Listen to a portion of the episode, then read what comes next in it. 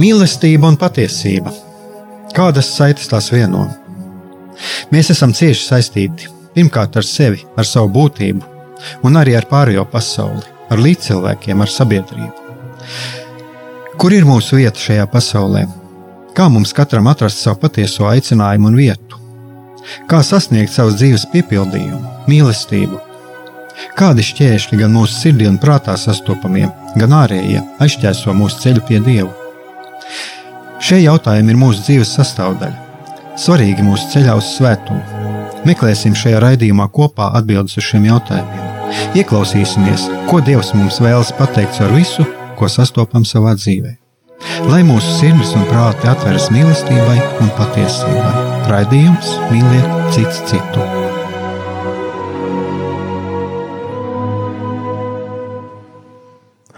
Kristus ir augšām cēlies.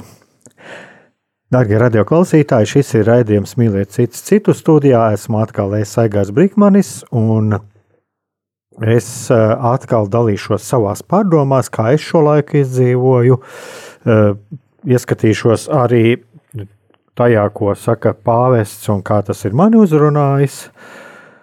Un tā, jāsaka, tā, ka man ir jāpazemībā, jāpieņem arī pašam dažādas savas dzīves situācijas, arī to, ka nu, ir tagad tā sanācis, ka viesu nav, jo arī viesiem ir uh, savas darīšanas, savu pienākumi, un, un arī kaut kā arī es tajā savā dzīves ritmā uh, nesmu vēl atradis kādu viesi, ar ko parunāt, lai gan man ir.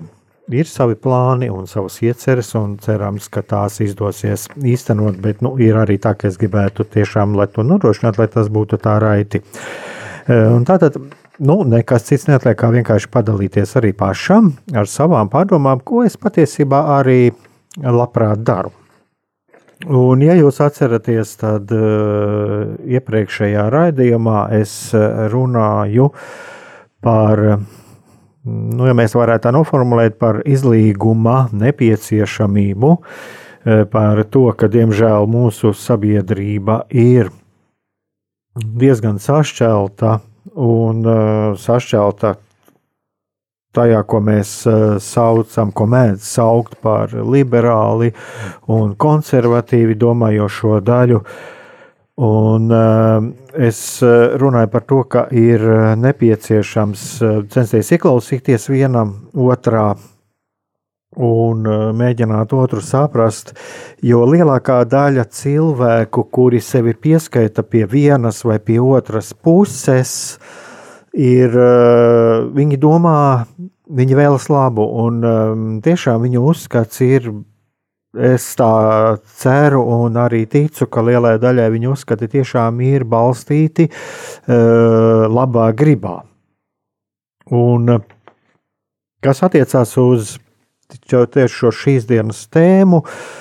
Uh, nu, šīs dienas tēma es uh, vēlos viņu veltīt tam, kas, manuprāt, ir tieši man augšām celšanās.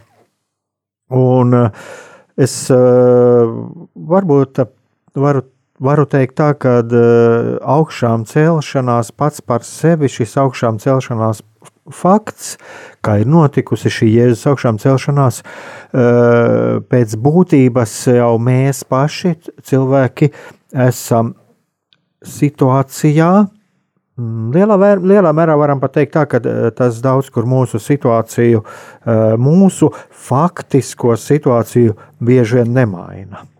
Mēs bieži vien paliekam arī ar tām pašām šaubām, ar tām pašām bailēm, protams, izdzīvojot gavēņa, savu to gavēņa laiku, protams, nenoliedzami ir ieguvumi, bet uh, nekādā ziņā tas jau nemaina mūsu dzīves apstākļus, un, un savā ziņā mums uh, priekšā ir gan pārsteigumi pie šī atvērtā kapa, gan arī ir jāiet katram savs emausas ceļš. Bet tagad, atgriežoties pie, tā, pie tās saskarsmes starp liberālu un konservatīvu, tā tad jā, ir, vajadzīgs, ir vajadzīgs eh, šis dialogs, bet eh, te arī var pilnīgi normāli būt tā, ka mums var rasties jautājums, bet nu, ko tad darīt? Ko darīt, kad nu, ir tik daudz šie dažādie viedokļi, un uh, ko šādā situācijā darīt? Un es domāju, ka šeit ir viena tāda ļoti svarīga lieta, kad nevis, tātad nevis pretnostatīt pretnostatīt sabiedrības daļu, vai mēs nu, pretnostatām vienus pretim otriem, vai, vai mēs paši mēģinām ieņemt kaut kādu agresīvu pozīciju, kas, kas diemžēl, mēs grēkojam, arī man iznāks šajā lietā sagrēkot, bet tiešām nevis pretnostatīt vienu otram, bet gan veicināt dialogu, mēģināt otru saprast un un meklēt kaut kādus ceļus, kas ir mums kopīgi. Es atceros, kādreiz, kad bija vēl pirms Covid un pirms dažiem gadiem, kad bija arī dažādi ekumeniskie pasākumi, tad iznāca arī tāds starpkonfesionāls žurnāliņš, kuram nosaukums bija Kas mūs vieno. Tātad mēs meklējām to, kas mūs vieno. Eh, piemēram, arī man saskaroties ar eh, protestantiem, ar luterāņiem, es, es cenšos nediskutēt par lietām, kas skar tur svētos vai, vai evaharistiju. Eh, es pieņemu, ka katram lūk, ir šis. Tas ir noslēpums, kāpēc mēs ejam katru šo atsevišķo ceļu, mm, bet mēs neuzspiežam savu viedokli. Jo, manuprāt, var būt gan no vienas puses, gan otras puses, gan šī sekulārā sabiedrība var censties uzspiest uh, savu viedokli un izspiest uh, dieva vārdu, uh, kristietību, censties izspiest reliģiju. Uh, no sabiedriskās dzīves, par ko arī katoļu baznīca runā, bet tikpat labi var būt arī otra bīstamība, ka arī šī kristīgā puse var, mm, ir tāda vēlēšanās cilvēkiem veidot kādu teokrātisku valsti, eh, kur eh, pēc būtības, un es tieši tagad arī šeit eh, vēlos tieši runāt par šo, šo, šo kristīgo skatījumu, ka Dievs jau nevēlas, lai mēs būtu, mm, lai mēs būtu, lai mūsu ticība būtu e, fanātiska un lai mūsu ticība būtu bez, bez domāšanas, akla. Es domāju, ka Dievs vēlas, e, lai tā ticības sēkliņa, kuram nu ir lielāka, kuram ir mazāka, lai viņa tiktu kopta. Un lai viņa tiktu kopta arī caur dažādām šaubām, jo ja arī mēs spējam šaubīties, tad mēs arī ja pie veselīgām šaubām mēs spējam arī, tad mēs arī spējam uzdot jautājumus un, un uh, mēs uh, ejam meklējumos. Un es domāju, šeit ir vērts paskatīties arī uz uh, Ļoti skaists piemērs ir apakstuļa Toma piemērs. Ja, jo, jo mēs varam izlikties, varbūt, lai nebūtu konfliktā ar, ar varu, ar pārējo sabiedrību. Un šeit es tieši runāju par šo teokrātisko sabiedrību, kurā tā saucamie dieva likumi var būt. Tas tāds tiek lietots šāds jēdziens, dieva likums. Bieži vien viņš tiek, manuprāt, nepareizi interpretēts, jo tas eh, tiek nosaukts kaut kāds mm, valsts likums par dieva likumu, kurā kādai konfesijai vai kādai ticībai tiek dota priekšroka attiecībā pret citām, un tad cilvēki var uh, liekuļoti izlikties, ka viņi tic, ka viņi tic tā kā citi, un viņi iet līdzi citiem, un viņi ies uz baznīcu, viņi pildīs visus uh, rituālus, bet mums ir jāuzdod sev jautājums, vai Dievs to vēlas. Un šeit, es domāju, ļoti skaists piemērs ir apustuļu Toma piemērs, ko es jau esmu kādreiz šeit pieminējis, ka patiesībā apustu viens no priekšnoteikumiem, lai kļūtu svēts, ir būt patiesam, un apustulis Toms neliekuļoja, kad eh, pārējie mācekļi stāstīja par to, kā viņi ir satikuši Jēzu, augšām celšo Jēzu. Viņš teica, ka pirms es nebūšu ielicis roku viņa brūcēs, es neticēšu. Un es domāju, ka šeit ir tas vislabākais piemērs. Pirmkārt, viņš neliekuļoja, viņš bija patiesis. Tā ir, tas ir noslēpums, kāpēc vieni satiek Jēzu uh, ātrāk, kāpēc citiem ir jāiziet cauri šādiem šaubu pārbaudījumiem, bet katrā ziņā apustulis Toms bija patiess. Un viņš teica, pirms es nebūšu ielicis roku Jēzus brūcēs, es neticēšu. Bet viņš bija atvērts. Viņš nepateica, es neticēšu nekad, tas nevar būt. Viņš teica, pirms es nebūšu pārliecinājies. Un es domāju, ka tas arī ir viens no ceļiem, kur atgriežoties atkal pie tā, kāpēc, nu, kāpēc arī šis dialogs ir svarīgs. Kā arī caur šaubām kādreiz mēs kopjam, mēs varam kopt šo, šo savas ticības sēkliņu, cik no viņa mums katram ir liela, un mēs viņu varam apliet ar, jā, mēs viņu varam aplaistīt, un viņa mūs var izplaukt tajā brīdī, kad mēs esam arī atvērti uz to, ka Jēzus mums var parādīties, un, un viņš mums parādīsies, viņš pie mums atnāks, un mēs viņu ieraudzīsim, ja mēs būsim atvērti. Un domāju, tagad mēs varam paņemt kādu muzikālu pauzīti. mūžīgās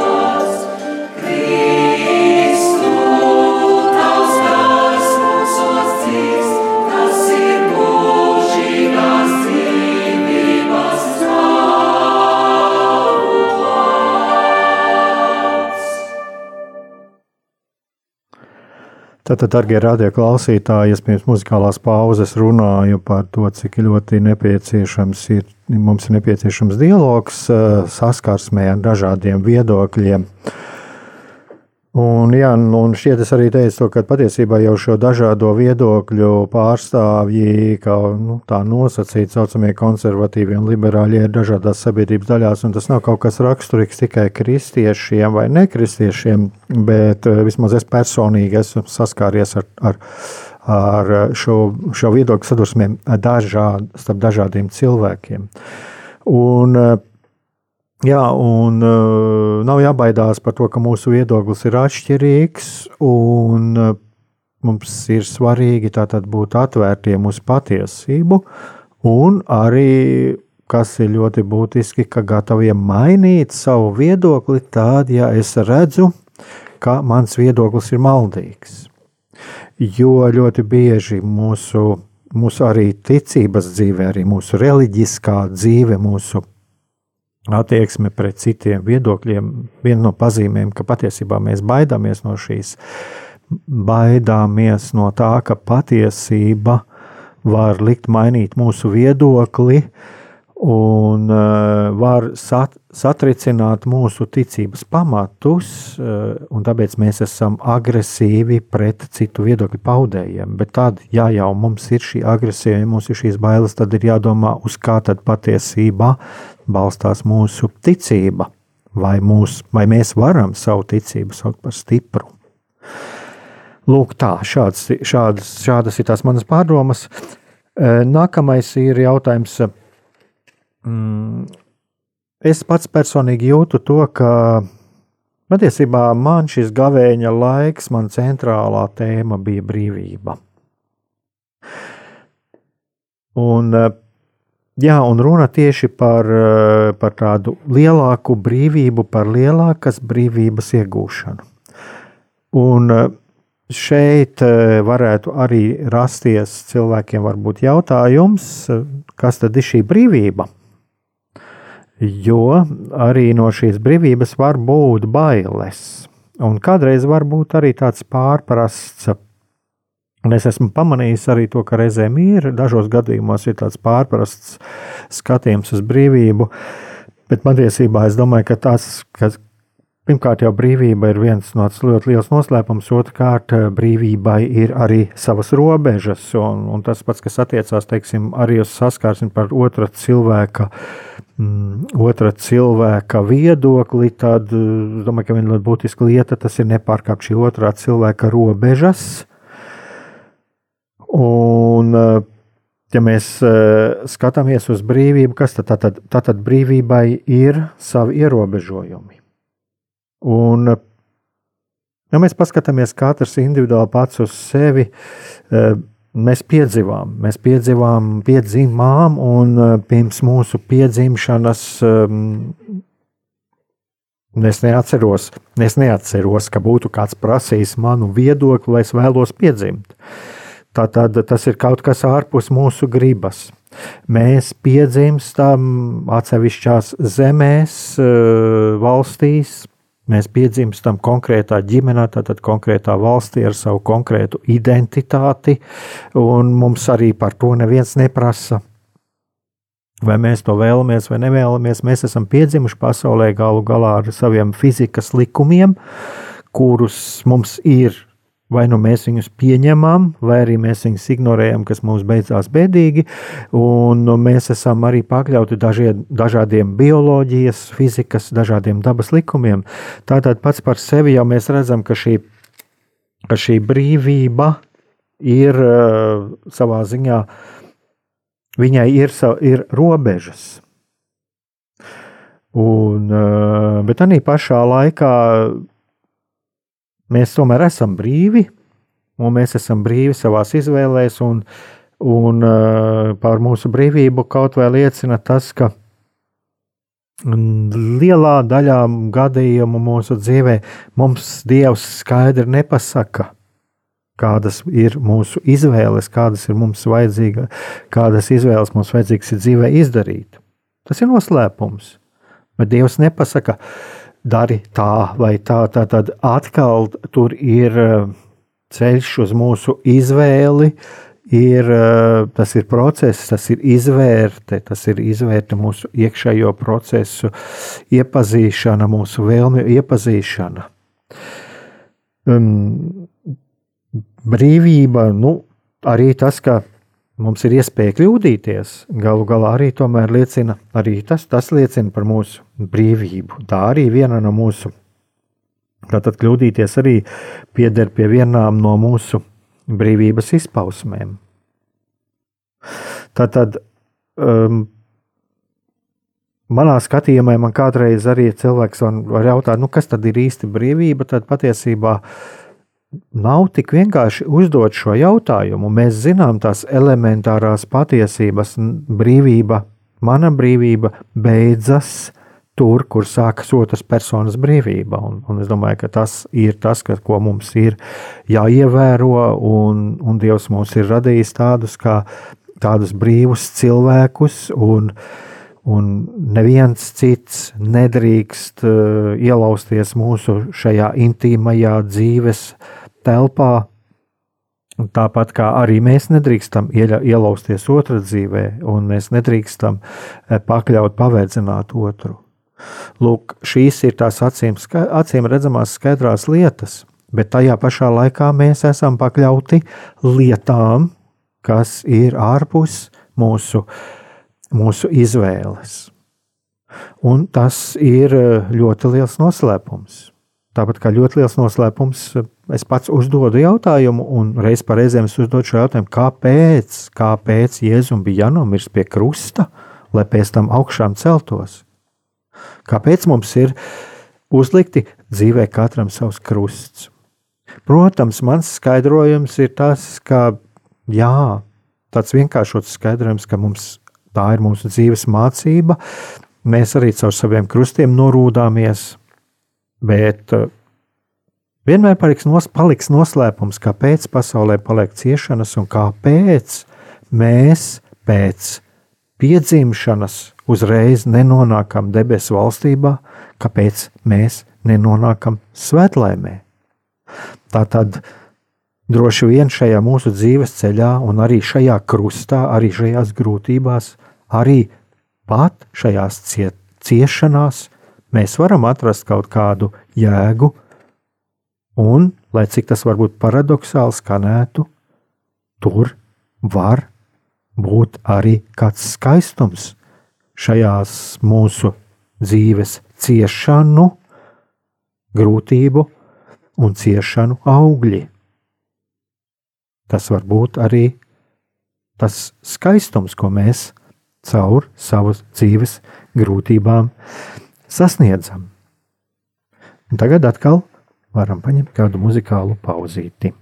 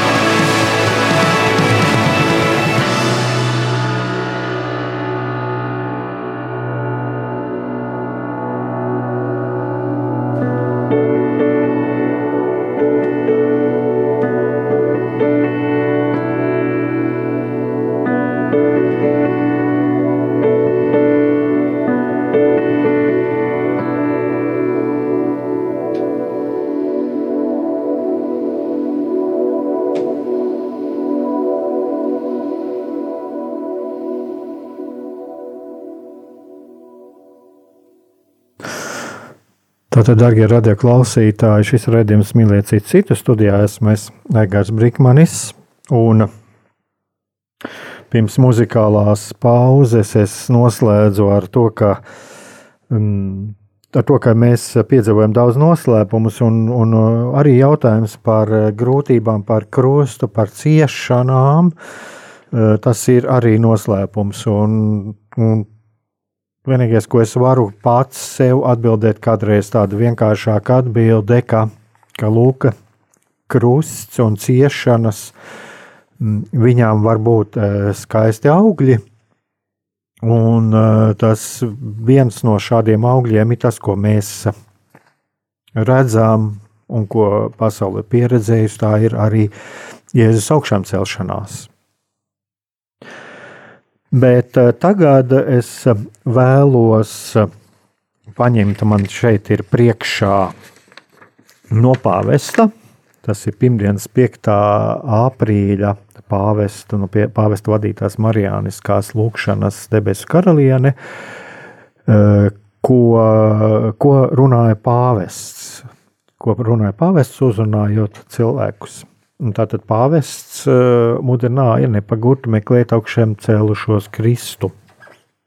Un kaut kādā ziņā arī tas, ko es iepriekš uh, jau runāju, mani pamudināja. Mēs vakar arī savā evanģelizācijas šūniņā šo, šo tekstu skatījām, un tur arī bija tādas, uh, mums bija ļoti daudz arī tādas ļoti skaistas liecības, kā kuru šis teksts ir uzrunājis.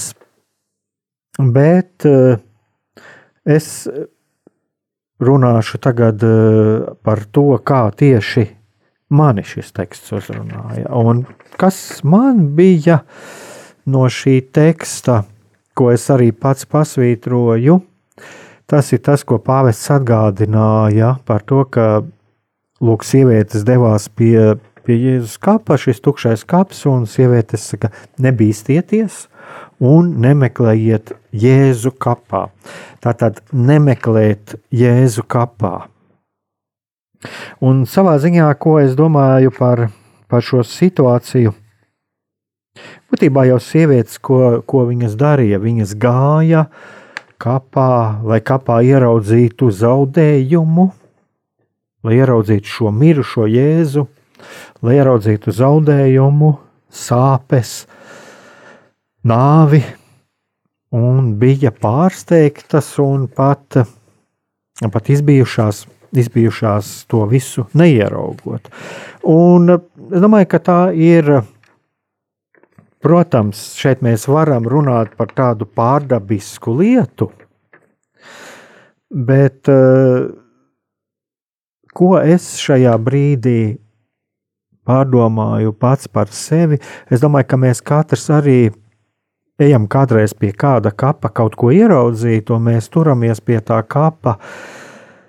Un eh, mēs turamies pie tā kapa tik, tā, tik daudz un tik, eh, tik ļoti pieķērušies šim kapam, ka mēs tiešām neredzam no tā izēju, un eh, mēs nepamanām, ko mums Dievs vēlās pateikt.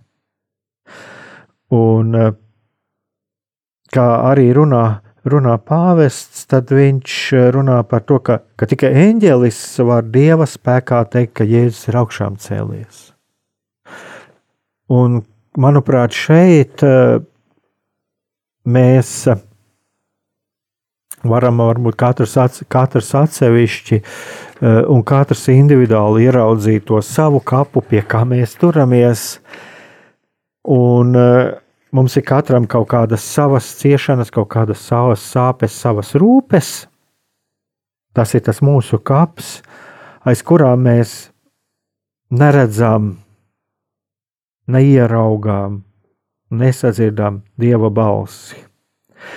Un e, tas, ko te pāvests runā, viņš runā par to, ka nu, kunga eņģēlis nāca no debesīm, piegājis novēlu akmeni un apsēdās uz tā tas lielais akmens, kam bija, tas lielais akmens, kam bija jābūt par ļaunā nāves un uzvaras simbolu, uzmar, uzvaras zīmolu, tika no, tātad tas lielais akmens, kam bija jābūt par ļaunā un nāves uzvaras zīmogu, tika nolikts zem kājām, kļuva par kunga eņģeļa tabureti.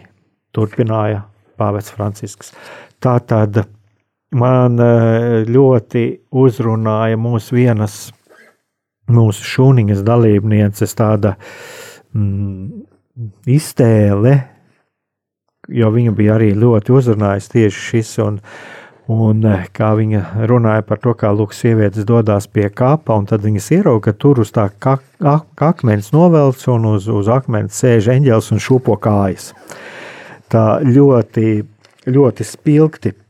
Bet tā tad šīs sievietes jau būtībā, tātad, kā jau es teicu, viņas gāja, gāja, lai ieraudzītu šo mirušo Jēzu. Tātad viņas gāja, lai ieraudzītu būtībā šo zaudējumu, sāpes un nāvi.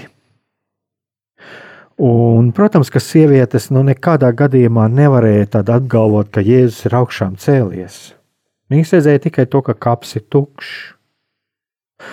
Un par šo augšām celšanos pavēstīt varēja tikai eņģelis.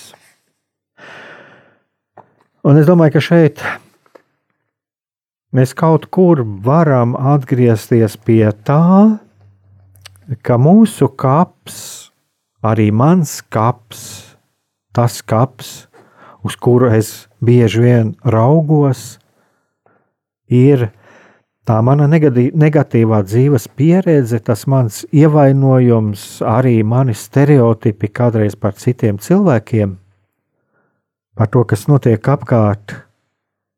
Tieši tas var būt tas kaps, pie kura es tik ļoti, ļoti turos, ka man ir grūti ieraudzīt, kas tad patiesībā ir notiek apkārt, grūti ieraudzīt arī tā objektīvi paskatīties, e, patiesības skatienu, paskatīties uz savu dzīvi, ar mīlestību paskatīties uz sevi, ar mīlestību paskatīties uz citiem.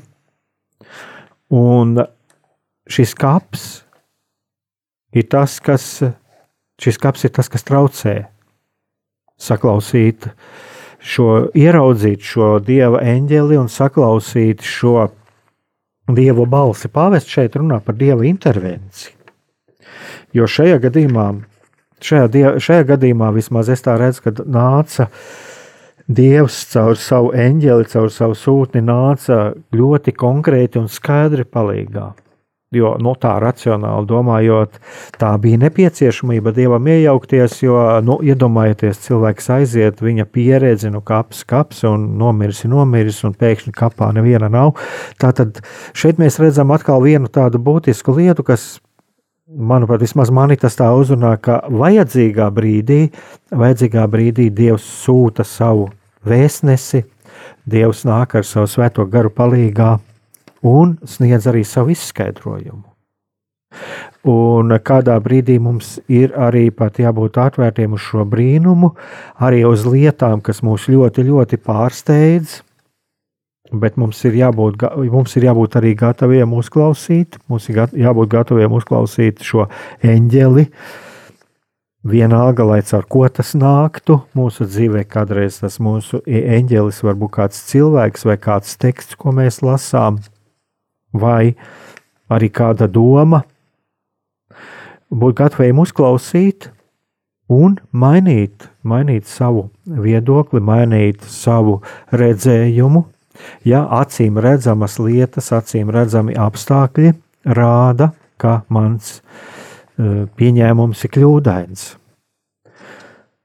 Un, ja acīm redzami apstākļi rāda, ka tas, pie kā es turos, patiesībā ir tikai tukšs kaps, kurš mani nepie kā neved.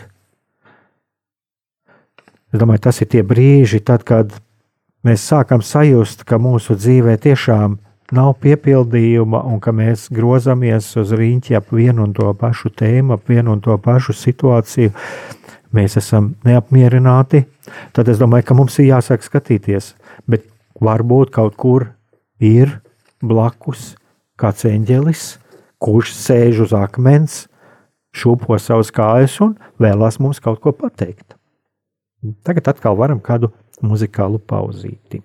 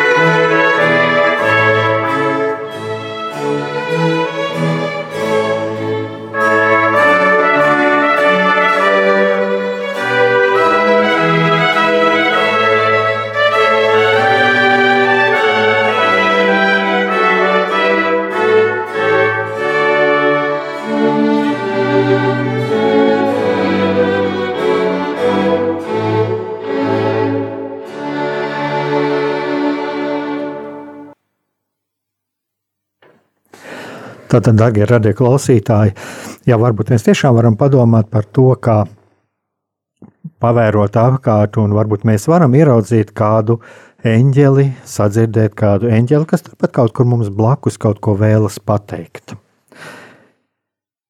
Bet tātad, kā jau es minēju, mans motīvs šajā laikā bija brīvība, tātad ar vien lielāku un lielāka brīvība –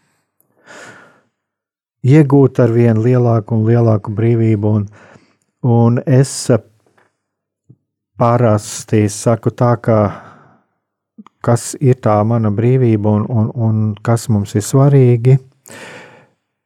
Svarīgi mums ir dzīvot savu dzīvi. Un atkal, ja man tāds kāds cilvēks uzdotu jautājumu, un kādreiz arī cilvēki uzdod šo jautājumu, kāpēc mēs dzīvojam, tad, protams, mēs eh, varam teikt, jā, mūsu dzīves mērķis ir atrast mūsu dzīvē piepildījumu, iet, iet pretim svētumam, mūsu mērķis ir dzīve nākamajā mūžībā, mūsu mūžības ceļojums, mūsu, viņš jau ir tagad, mūžībā mēs dzīvojam jau tagad. Un, eh, bet es domāju, ka mums katram būs, būtu sava atbilde, un šīs atbildes būtu nu, lielākoties tās visas būtu pareizas. Bet tā pašā laikā šīs atbildes būtu arī atšķirīgas. Un tas vien nozīmē to, ka mēs ejam katrs savu, katrs savu atšķirīgu dzīves ceļu. Jo Dievs ir mums katru radījis individu, individuāli atšķirīgu un īpašu. Bet tātad, kas ir šī brīvība? Par kuru arī es lūdzos, un, un kas arī ir šis mans mērķis. Mans mērķis tātad atbrīvot, kas ir tas, no kā es gribu atbrīvoties.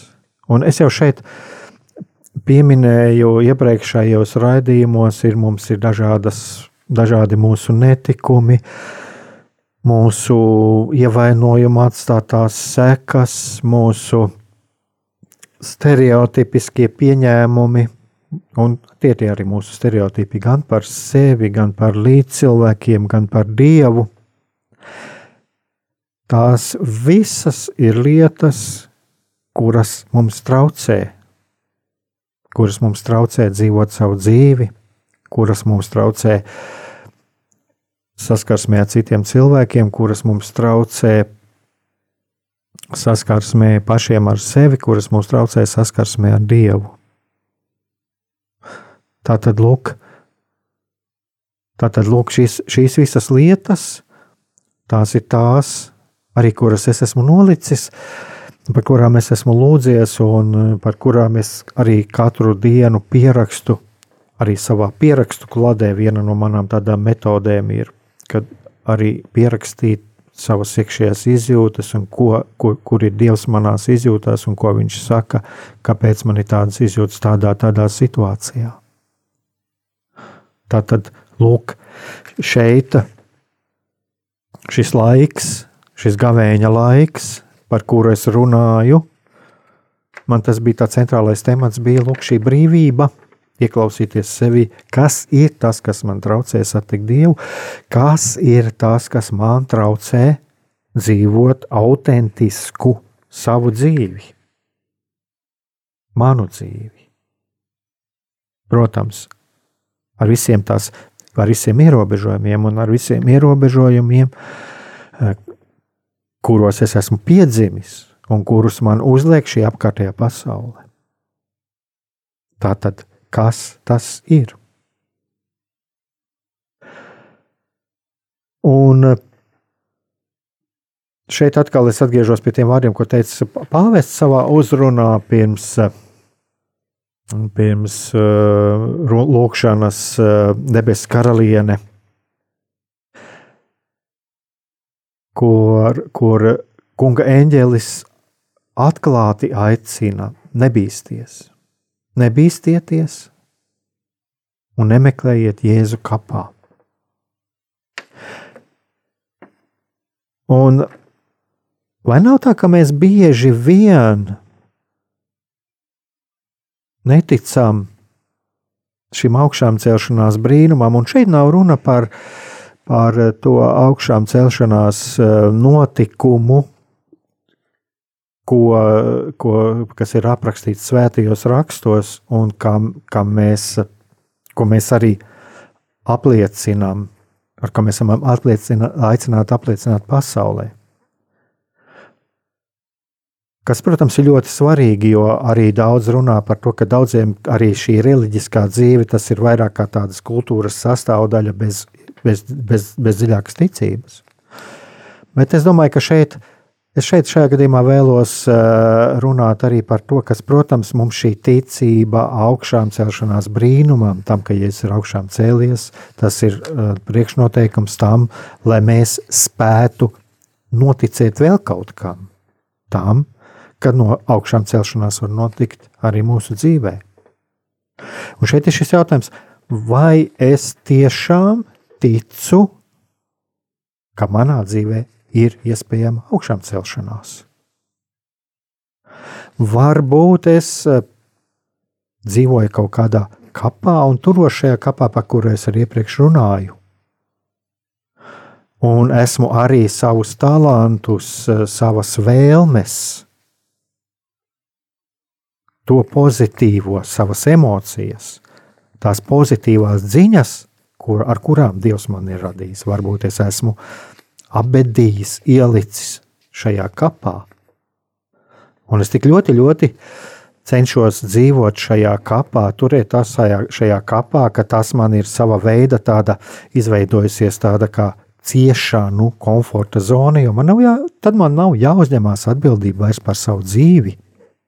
Es varu sevi žēlot, es varu dzīvot kaut kādā stereotipiskā pieņēmumā par sevi. Bet ir vēl arī viens cits ceļš. Noticēt tam, ka Dievs mani ir brīnišķīgi radījis ar manām iespējām, ar savas dzīves jēgu, ar maniem talantiem, un atrast šos manus talantus. Un visu to, kas man traucē,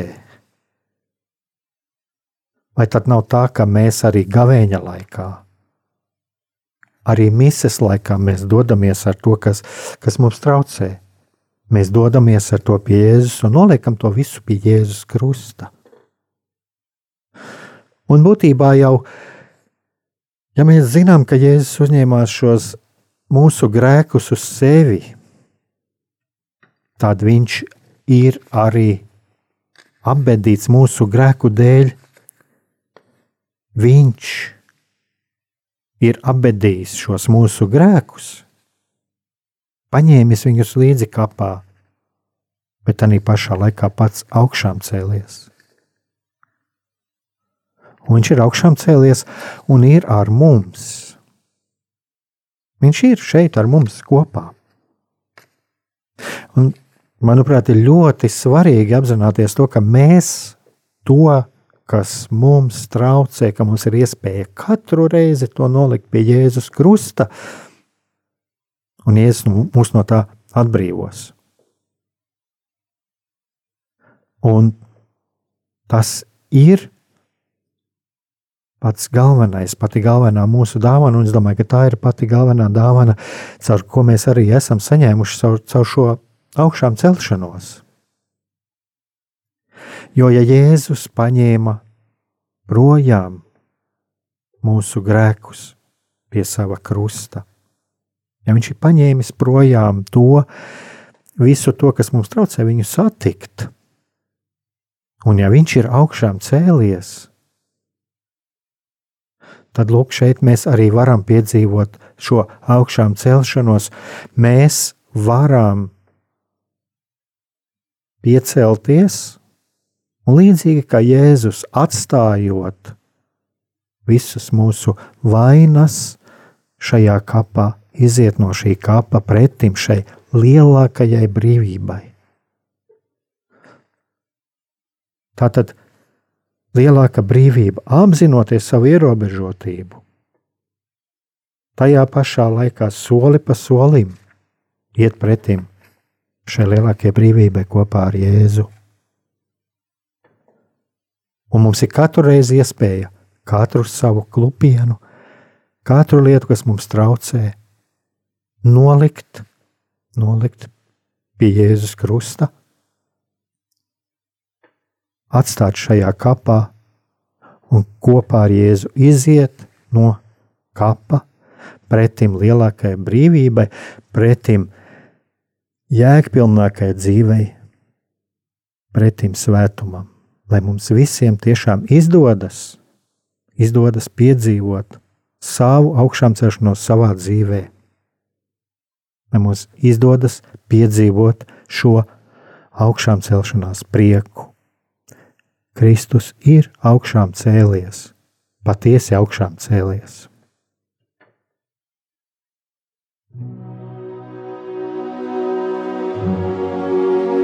Mīlestība un patiesība. Kādas saites tās vieno?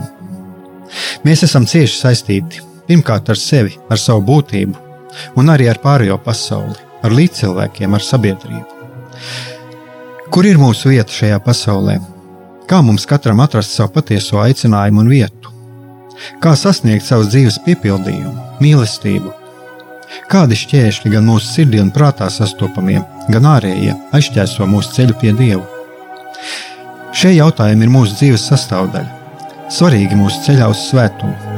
Meklēsim šajā raidījumā kopā atbildes uz šiem jautājumiem. Ieklausīsimies, ko Dievs mums vēlas pateikt ar visu, ko sastopam savā dzīvēm lai mūsu sirds un prāti atveras mīlestībai un patiesībai. Raidījums mīliet citu citu.